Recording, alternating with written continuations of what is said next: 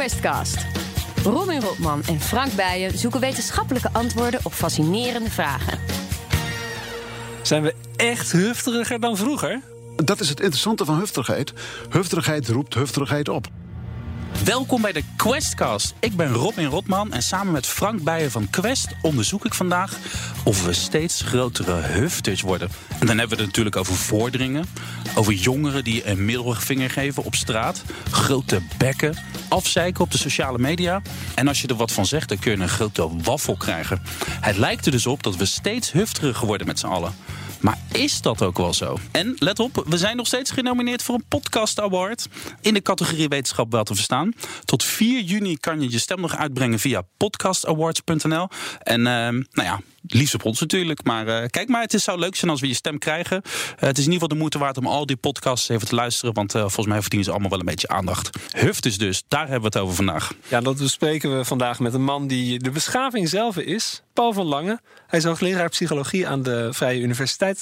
En hij is wetenschappelijke geweten achter de campagne Doe eens lief van Sieren. Paul, welkom. Dankjewel. Je bent een hele vriendelijke man, dat heb ik al gezien. Maar wanneer heb jij nou voor het laatst huftig gedrag vertoond? Wil je een leuk verhaal horen? Nou, doe maar. Ik ben gek op leuke verhalen. Ja? Ja, ja. Nou, het echt hufterige wat ik ooit heb gedaan... Uh, dat was uh, bij een kruising op een drukpunt in Amsterdam. En op een gegeven moment was er een auto die ging voor ons staan. Wij stonden allemaal met ongeveer 15 à 20 fietsers... en, en enkele bromfietsen misschien, ertussen of scooters... Uh, stonden te wachten. En die, die man die, die sneed ons eigenlijk af. En die, wij moesten allemaal wachten voor dat stoplicht. En nou, dat was zo lastig om daar nog langs te komen... met die 15 à 20 fietsen... Mm -hmm dat ik op een gegeven moment een klein tikje op, op het dak heb gegeven. Een, was het een, eerlijk zeggen, en, was het een klein tikje op het, het dak? Het was een klein tikje, maar ik weet ook tegelijkertijd, en het is heel interessant eigenlijk, dat ik, ik ben me ervan bewust dat een kleine tikje ontzettend kan voelen als een enorme dreun als je daar als chauffeur achter stuur zit. Als een provocatie, hè? En die, en die man die werd me toch kwaad. Edward, uh, hij kwam de auto uitstormen. En ik was net al, nou, ik was ongeveer uh, een metertje of tien van hem vandaan. Maar hij kwam echt de auto uitstormen. En uh, ik dacht echt.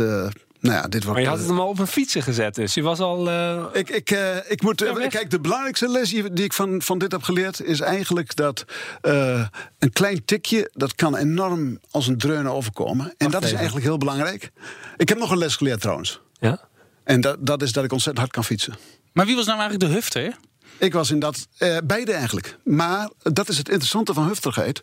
Hufterigheid roept hufterigheid op. Ja. En in dit geval, uh, ik moet ook eerlijkheid zelf zeggen dat ik dit niet zo snel meer zou doen. En daarom vertel ik het ook uh, met graagte. Want uh, niet dat ik er zo ontzettend schuldbewust van was, maar eigenlijk ook, je onderschat heel snel de gevolgen die het heeft voor een ander. Als je zelf daar in die auto zit, dan, dan is dat zo ontzettend intimiderend en vervelend als iemand mm -hmm. ook een klein tikje geeft op je dak, bij wijze van spreken. Ja, maar ik wil toch even naar jouw rol. Wat, wat gebeurt er dan? Is het ook een soort oerinstinct? Ik, ik reageer wat je hebt er waarschijnlijk niet over nagedacht. Je deed het gewoon in een vlaag van verstandsverbijstering. Ja. Maar wat gebeurt er dan in het brein? Wat, als een nou, brein... Ik vond het ook heel erg asociaal wat hij deed hoor. Dus Ja. het was niet alleen maar verstandsverbijstering. Dat was een het was reflex ook eigenlijk. Nou, een reflex, Maar niet, niet, niet, helemaal. Niet, ja, precies. Niet helemaal zonder, Ah. zonder. Het was niet een reflex als een, een kniereflex. Het was, het was, er zat toch wel een enige gedachte achter. Soort, eh, je wilde hem op zijn op zijn morele verantwoordelijkheid. Eigenlijk wel. Ja. Eigenlijk Maar ik vind je best wel een milde hufter dan. Want dit wat je nu beschrijft, eh, een, een, een tikje op een auto die voordringt. Ja, ik kan me wel hufterige dingen voor, hufteriger dingen voorstellen. Ja, maar dit is iets wat me het echt te binnen schiet. En waarvan ik ook vond eigenlijk dat dat. eh, nou ja, waarvan ik echt vond van. Nou ja, dat was eigenlijk iets waar, waar je snel te ver in kunt gaan. En het, het laat ook eigenlijk zien dat hufterigheid. Hoeft, kan soms iets zijn waar je zelf niet van bewust bent. Hetzelfde, ik vind bumperkleven dus ook een heel mooi voorbeeld. Je kunt met haast rijden. En dat doe ik ook af en toe. En voordat je het weet, ben je aan het bumperkleven. Jij ervaart dat niet zo, maar die ander maar al te zeer. En, en die ervaart de, de gevolgen daarvan. En dat zijn nou echt mooie psychologische verschijnselen. Waarbij jij een soort asymmetrie zit erachter. Jij onderschat de gevolgen voor een ander. Dus dat zegt iets over hufterigheid, hè? Want we zien de hele tijd hufters om ons heen, de hele dag. Maar wat we niet doorhebben, is dat we zelf de helft van de tijd ook gewoon die hufter zijn. Ja, mensen zijn vaak een hufter zonder dat ze het doorhebben. Dat is bij bumperkleven heel erg het geval. Het is ook het geval bijvoorbeeld wanneer je ja, eigenlijk niet vriendelijk bent. Eh, dus bijvoorbeeld eh, bij de sierencampagne hadden we, hadden we bijvoorbeeld die kassières in de supermarkt. Nou, het, kost heel weinig moeite om vriendelijk te zijn. De kassières vinden dat over het meer prettig. En het gebeurt natuurlijk, en dat is ook wel belangrijk, op het voetbalveld. Hufterigheid richting een scheidsrechter. En dat is ook iets wat je als voetballer misschien wel een klein beetje herkent. Dat je snel iets kunt doen richting een scheidsrechter. Uh, lichte beledigingen. Uh, waardoor je probeert misschien ja, dat, die, dat je hem laat merken dat je het oneens bent met, met een bepaalde beslissing. Je hebt het nu over, de, over, over het verkeer gehad. Je hebt het nu gehad over het voetbalveld. Ja. Uh, bij, de, bij de kassa heb je, het, heb je het nu over gehad. Wanneer komt nou de hufter in ons naar buiten? Wat, wat zijn nou de, aan welke voorwaarden moet de situatie voldoen voordat de, de optimale hufter in mij naar buiten komt? Iets wat super belangrijk is, en dat is eigenlijk de les die je echt leert vanuit de psychologie en ook andere wetenschappen trouwens, is zodra mensen zich anoniem wanen of anoniem zijn. En dat is inderdaad vandaar bijvoorbeeld in de auto ben je ontzettend anoniem. En dat is nou typisch zo'n situatie waarbij er veel op spel staat. Want iemand, als die andere een verkeerde beslissing neemt, dan heb je daar ontzettend veel last van. En je bent anoniem en dan gedragen mensen zich heel snel hufterig, omdat ze haast hebben, bumperkleven. Of soms ook agressie in het verkeer. Hè? Dus dat hufterigheid, hufterig, hufterig gedrag oproept, zie je met name ook heel erg in het verkeer. Op internet? Eh, en ook internet, anoniem? Internet is ook een, uh, is een, vooral mensen met anonieme gegevens, die anoniem opereren op internet, op Twitter bijvoorbeeld. Kattenbelletje 111. Ja, nou, dan, dat is inderdaad. Uh, nou ja, dan zie je dat hufterig gedrag ook. En daar zie je weer dat asymmetrie-effect, zodanig dat mensen onderschatten de gevolgen die het heeft als jij zeg maar iemand een beetje de maat wil nemen. Dan de andere persoon die kan er misschien wel uh, nachten van wakker liggen, of erger soms. Uh, terwijl jij dat in een, misschien in een impuls doet, of misschien met een drankje op. De, we weten niet precies wanneer mensen dat doen. Maar het interessante is dat, dat daar ontzettend veel hufterigheid plaatsvindt. En dat mensen zich daarvan niet helder bewust zijn dat ze dat, uh, dat, ze dat doen. In groepen? In groepen kun je, eh, kan ik me ook wel anoniem Misschien als je Robin, dat is een, een uh, Robin is echt een zeldzaam vriendelijke jongen. Ja. Maar als je hem een uh, bivakmuts op zou zetten uh, in een groep op straat zou sturen met een uh, drankje in zijn hand, dan uh, verandert hij zomaar in een hufter. Ik zou er wel van opknappen, denk ik. nou ja, dat, dat, dat, dat is deels trouwens dat mensen, mensen denken vaak dat dat enorm een, een, gezond effect heeft als je dat doet. En dat is, dat is de vraag hoor. Dat, dat geloof ik niet direct. Dat, mensen denken soms dat als jij zonder enig benul allerlei hufterig gedrag gaat vertonen, dat dat goed voelt of zo. Dat het oplucht. Dat, ja, dat het oplucht. Dat valt wel mee. En, en ik vind met name als je dat stelt dat mensen dat een klein beetje denken, dan vind ik met name vind ik dat lastig als mensen dat denken. Ook omdat het effect totaal niet opweegt ten opzichte van het negatieve effect voor een ander. Dus uh, er is meer verkeer, er is internet, het wordt allemaal meer, meer, meer dan worden we ook steeds hufteriger, toch? Dat kan toch bijna niet anders? Eigenlijk, zoals ik het zie, is dat de menselijke natuur... die, is eigenlijk, die blijft eigenlijk hetzelfde. Wij blijven eigenlijk even sociaal. Misschien, ik denk persoonlijk dat we over de evolutie... dat we steeds socialer worden. En dan praat je over eeuwen en eeuwen terug. Mm -hmm. maar, uh, dus ik denk dat we eigenlijk steeds socialer worden. En daar zijn ook goede aanwijzingen voor. Maar we laten tegelijkertijd wel meer hufterig gedrag zien. En dat komt omdat de omstandigheden veranderd zijn. We, we leven steeds meer in een anonieme omgeving. De meerderheid van de mensen in de wereld leeft in een stad. In Nederland is dat ook zo. Vroeger leefden we veel meer in kleine dorpen. Dan was er veel meer sociale controle. En dat is een hele belangrijke. Is weer, weer die anonimiteit, hè, reputatie. Dat zijn belangrijke zaken. Ja, maar wacht, dan kon je nu twee dingen zeggen. In onze natuur zijn we even hufterig als altijd. Ja, en, ja. Maar in de praktijk uh, zijn er meer omstandigheden waardoor we de hufter in ons wordt uitgelokt. Ja. Dus we worden gewoon hufteriger met z'n allen. Zo kun je dat zeggen. Maar stel nou dat je de maatschappij corrigeert. Stel nou dat er een fantastisch middel komt via social media waarbij mensen elkaar op een hele sterke manier kunnen corrigeren. En waarbij je niet meer anoniem kunt opereren. Dan zul je zien dat die hufterigheid enorm verminderd wordt op social media. Ja. Of stel dat op de een of andere manier mensen in de auto steeds minder anoniem wanen. Ja. Dan zul je zien dat ook uh, mensen steeds minder hufterig worden in dat opzicht. Ja, steeds minder hufterig okay. gedrag zien. Okay. Maar de omstandigheden. En nog wat ook nog een rol speelt, is dat de drukte is toegenomen. En dat betekent in feite de drukte in het verkeer bijvoorbeeld. Mm -hmm. En dat betekent in feite ook dat jouw hufterigheid steeds meer wordt ontlokt. Door die, ja, uh, je kunt op een gegeven moment gaan snijden. Uh, je hebt allerlei zaken waar je last van hebt. Waar je, als het rustig is, heb je daar geen last van. En dat zijn allemaal belangrijke zaken om rekening mee te houden. En je had het net over eeuwen en eeuwen, over die evolutie. Maar als je het nou vergelijkt met, een, uh, nou, met 20 jaar geleden. Ja. kun je zeggen, zijn er aanwijzingen dat we eh, in vergelijking met die 20 jaar. Oké, ja, we zijn in die tijd niet heel erg verstedelijkt of zo. Maar gewoon die 20 jaar. Nou- dat we nou meer of minder hufterig zijn geworden. In de afgelopen 20 jaar zijn we wel meer verstedelijkt. We zijn wel wat We dat zijn we hufteriger geworden. we- we zijn eh, narcistischer geworden. In die tijd, dus dat is wel het, dat is een, dat is een duidelijk wetenschappelijk gegeven. Eh, speelt met name bij vrouwen overigens. Ehm, dat, is een, dat is een belangrijk gegeven. De ultieme test of dat waar is dat we hufteriger zijn geworden, die moet nog worden verricht. Eh, want ik kijk met name ook naar het gedrag van mensen. En stel nou dat je de omstandigheden gelijk zou houden. Eh, dus dat je niet gaat kijken naar allerlei situaties waarbij mensen anoniem zijn. Dan weet ik zo net niet of mensen echt hufteriger zijn geworden. Maar de omstandigheden zijn zodanig veranderd dat mensen zich veel meer laten verleiden tot hufterig gedrag. We gaan zo op door. We gaan eerst naar Franks Feiten. Een van mijn favoriete rubrieken op de Nederlandse, in de Nederlandse podcastwereld. Frank, waar komen al die ASO's toch vandaan? Eh, ja, het zijn de pestkoppen van vroeger. Eh, als we een onderzoek van eh, St. Louis University mogen geloven. Eh, wie andere kinderen pest, die loopt een veel grotere kans om als volwassene ook asociaal te doen. En dat zijn vooral jongens. Maar er is hoop, want volgens een ander onderzoek uit Michigan helpt het om te trouwen. Want zodra mannen getrouwd zijn, dan hebben ze minder tijd om er met hun ASO-vriendjes op uit te trekken. En dan worden ze vanzelf minder hufterig. En die wetenschappers die dit allemaal eh, bestuderen, zijn dat zelf van die lievertjes? Nou, niet per se altijd. Eh, een van de allergrootste wetenschappelijke ontdekkingen van de vorige eeuw was die van de structuur van DNA. Ehm, met de eer gingen James Watson en Francis Crick strijken. Zij wonnen de Nobelprijs ook jaren later. Eh, maar dat was ze nooit gelukt zonder het onderzoek van Rosalind Franklin, een vrouwelijke onderzoeker die eh, de cruciale röntgenfoto maakte waar eh, de DNA-spiraal al een beetje zichtbaar in was. Ze gebruikte haar foto zonder haar medeweten en ze gaf haar ook niet de credits. Stelletje hufters. En als je baas nou een hufter is, ja, een van de beste tips eh, is: kom in verzet. Ga tegen je baas in en doe dat vooral samen met je collega's.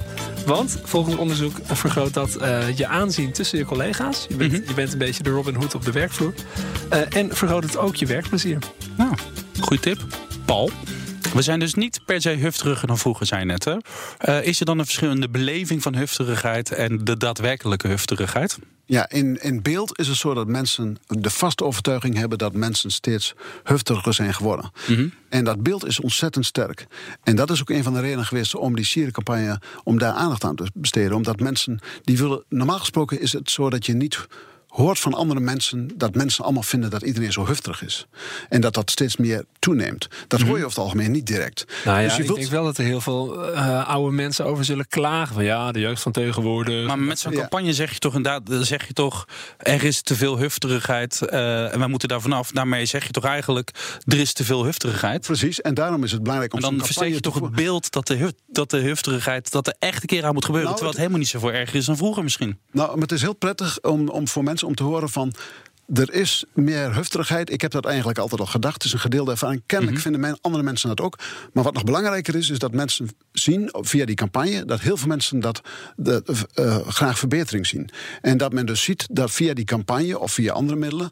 dat we ervoor kunnen zorgen dat mensen minder hufterig worden. Hm. Dus dat geeft een positief gevoel. En dat was die, de positieve insteek van de, van de campagne. Ja. Dus dat je eerst eigenlijk laat zien van... ja, kijk eens hoe jouw, jouw overtuiging wordt gedeeld door heel veel mensen. En ook dat heel veel mensen willen, net als jij... dat we er iets aan gaan doen. En dat is heel belangrijk, dat is een hoopgevend iets. Ja. Want heel veel mensen kunnen heel snel in deze tijd... een beetje pessimistisch worden van... ja, ach, je kunt er niks meer aan doen. Eh, en, en dat je altijd maar in dat negatieve geklaag blijft, blijft hangen. Maar nu merk je dus van... oh, andere mensen denken er ook zo over... en ze willen ook graag verbetering. Ja. En dat is belangrijk. En die percentages waren vrij... dat doe eens lief. Als een soort van slagzin, hiermee kan je wat doen.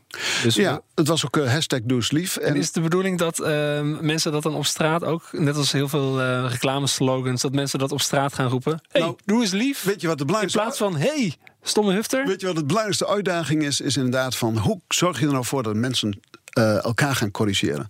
Dat is wel uiteindelijk waar de oplossing ligt. Want je moet ervoor zorgen dat mensen elkaar in een groep corrigeren. Je kunt niet overal een politieagent, eh, een bewaker hebben, et cetera, voor de, voor de normen en, eh, regels. Dus je moet iets hebben vanuit de groep waardoor mensen elkaar gaan corrigeren. Dus wil je bijvoorbeeld ervoor zorgen dat mensen eh, vriendelijker zijn ten aanzien van een scheidsrechter en minder intimiderend, dan moeten er mensen zijn in zo'n voetbalteam die elkaar corrigeren. Hé hey jongens, eh, doe eens lief. Of hé hey jongens, dat doen we niet bij onze club. Nou, en dat gebeurt ook bij sommige clubs trouwens. Eh, dat men elkaar corrigeert. Zelfs op het veld of eh, bij, de, bij, de, bij de toeschouwers. Ah, Dus maar dat- maar dat- dus het gaat erom dat mensen elkaar gaan corrigeren. Het gaat, wat ik, ik kan me ook voorstellen dat een beetje hufter, die trekt zich natuurlijk helemaal niks aan. Die, van zo'n campagne Doe ze lief. Die, een hufter die zal denken: sodemiet erop met je doe ze lief. Wat een Ja. slappe hap. Ja, maar stel nou dat je bijvoorbeeld in een voetbalteam, hè, stel dat je merkt van, goh, meer mensen gaan vinden dat ik niet zo intimiderend moet doen richting de scheidsrechter en dat ik niet moet gaan schelden. En we hebben ook heel, wat dat betreft hele concrete woorden gebruikt, hè, bijvoorbeeld klootzak en, en heel concreet zijn wij en bumperkleven zijn hele concrete voorbeelden van heftig gedrag. En het mooie is dat als er op een gegeven moment iets gaat verschuiven richting mensen van dat mensen denken van, hé, hey, het lijkt erop dat nu opeens een meerderheid van de mensen vindt dat dit gedrag is dat ik eigenlijk niet moet vertonen, dan, dan worden mensen toch voorzichtiger met het vertonen van dat gedrag. Wederom, je maakt dan een gebruik van reputatie. Ja. Dat is zo belangrijk voor mensen dat ze een positieve reputatie houden en in stand houden voor bij, de, bij de groep. Dat, dat je gedragsverandering krijgt. Uiteindelijk, maar dat duurt een hele lange tijd. Je hebt soms eerst normverandering nodig om Ja. gedragsverandering te kunnen krijgen. Frank heeft een paar stellingen voor je bedacht. Dus eh, zet je schrap. Kijk aan. Eens of oneens willen we horen. Uitleg mag achteraf. De meeste hufters zijn eigenlijk gewoon goede mensen die hun zelfbeheersing eventjes kwijt zijn. Eens of oneens? Eens. Er gaat een hufter schuil in ons allemaal. Eens. Ook in jou en mij? Ja. Ja. Eh, de samenleving wordt steeds hufteriger. Dat is een eh, stelling die we op internet hebben geplaatst, op Twitter. Ehm, wat denk jij dat eh, onze volgers hebben gezegd? Denk je de meeste mensen dat het zo is? Ja. Hoeveel procent ongeveer? Eh 80. Ja, nou dat is, eh, is helemaal correct. Eh, eh, nou ja, goed, eh 78% was het ermee eens. 72% mee oneens. We hadden 172 stemmen. Oké, dus eh, bij de campagne Doe eens lief, waar jij het, het wetenschappelijke geweten van bent, ehm, gaat het er niet zozeer om dat je de hufters verandert, maar je, je wil eigenlijk de samenleving als geheel een beetje aanspreken. Je wil dat mensen elkaar gaan aanspreken. Hoe ga ik om met een hufter? Kijk, daar ligt de uitdaging. Dat is ook ontzettend moeilijk, want dat is eigenlijk fine-tuning. Hè? Eh, bij de ene persoon bij je, neem je hem de maat, zeg maar. Bij de andere persoon, die is wel gevoelig voor, voor, een, voor een kleine correctie. Dus dat, dat, is, dat is een ontzettend Vaak weet je het ook niet, hè? want je kent die mensen helemaal niet. Nee, En voordat je het weet, ga je ook te ver en, en kan het escaleren. Dus daar, daar, daar zijn we ons heel erg van bewust. Paul van Lange zit op de fiets. Die wordt afgesneden door een auto. Een echte hufteractie. Paul van Lange tikt hem niet op zijn dakkie. Paul van Lange zegt: Hé hey man, doe ze lief. Denk je dat hij onder de indruk is? In de auto wordt dat wat moeilijk. eh, ik denk dat hij moe- mij moeilijk Maar zijn raampje staat open. Ja, jullie, hebben, nee. jullie hebben even contact. Ja, nou ja, eh, ik denk dat. Kijk, evolutionair is het ook zo dat eh, mijn gezicht zal al boekdelen spreken. Dus in feite, hij zal aan mijn wenkbrauwen al zien dat ik dat gedrag afkeur. Ja. En dat is hoe wij eigenlijk ook met z'n allen. Eh, met elkaar omgaan. Dus in feite is het zo dat die do's lief wordt eigenlijk via je wenkbrauwen gecommuniceerd of via je gezichtsuitdrukking, via, via jouw lichaamstaal. En zo doen we dat eigenlijk heel automatisch. Maar voordat je dat een beetje automatisch in het systeem krijgt en, en ook beaccentueerd, moeten mensen overtuigd zijn van het idee van dat het vrij normaal is om elkaar toch te groeten, bijvoorbeeld. Ehm, om met name eh, om niet te bumperkleven, om toch een beetje gepaste afstand te, te houden. Ehm, nou, dat zijn normen waar, waar heel veel mensen toch aan hechten. En als de meerderheid dat wil, dan als je dat ook weet dat dat zo is, dan is dat eigenlijk al heel belangrijk. Dan heb je al een heel belangrijke stap gezet. Nog één vraag, Frank. Eh, je zei net, het definitieve antwoord is nog niet geleverd. Ik heb, zitten, ik heb geprobeerd te zoeken of ik eh, eh, sterke hufterigheidsstudies kon vinden.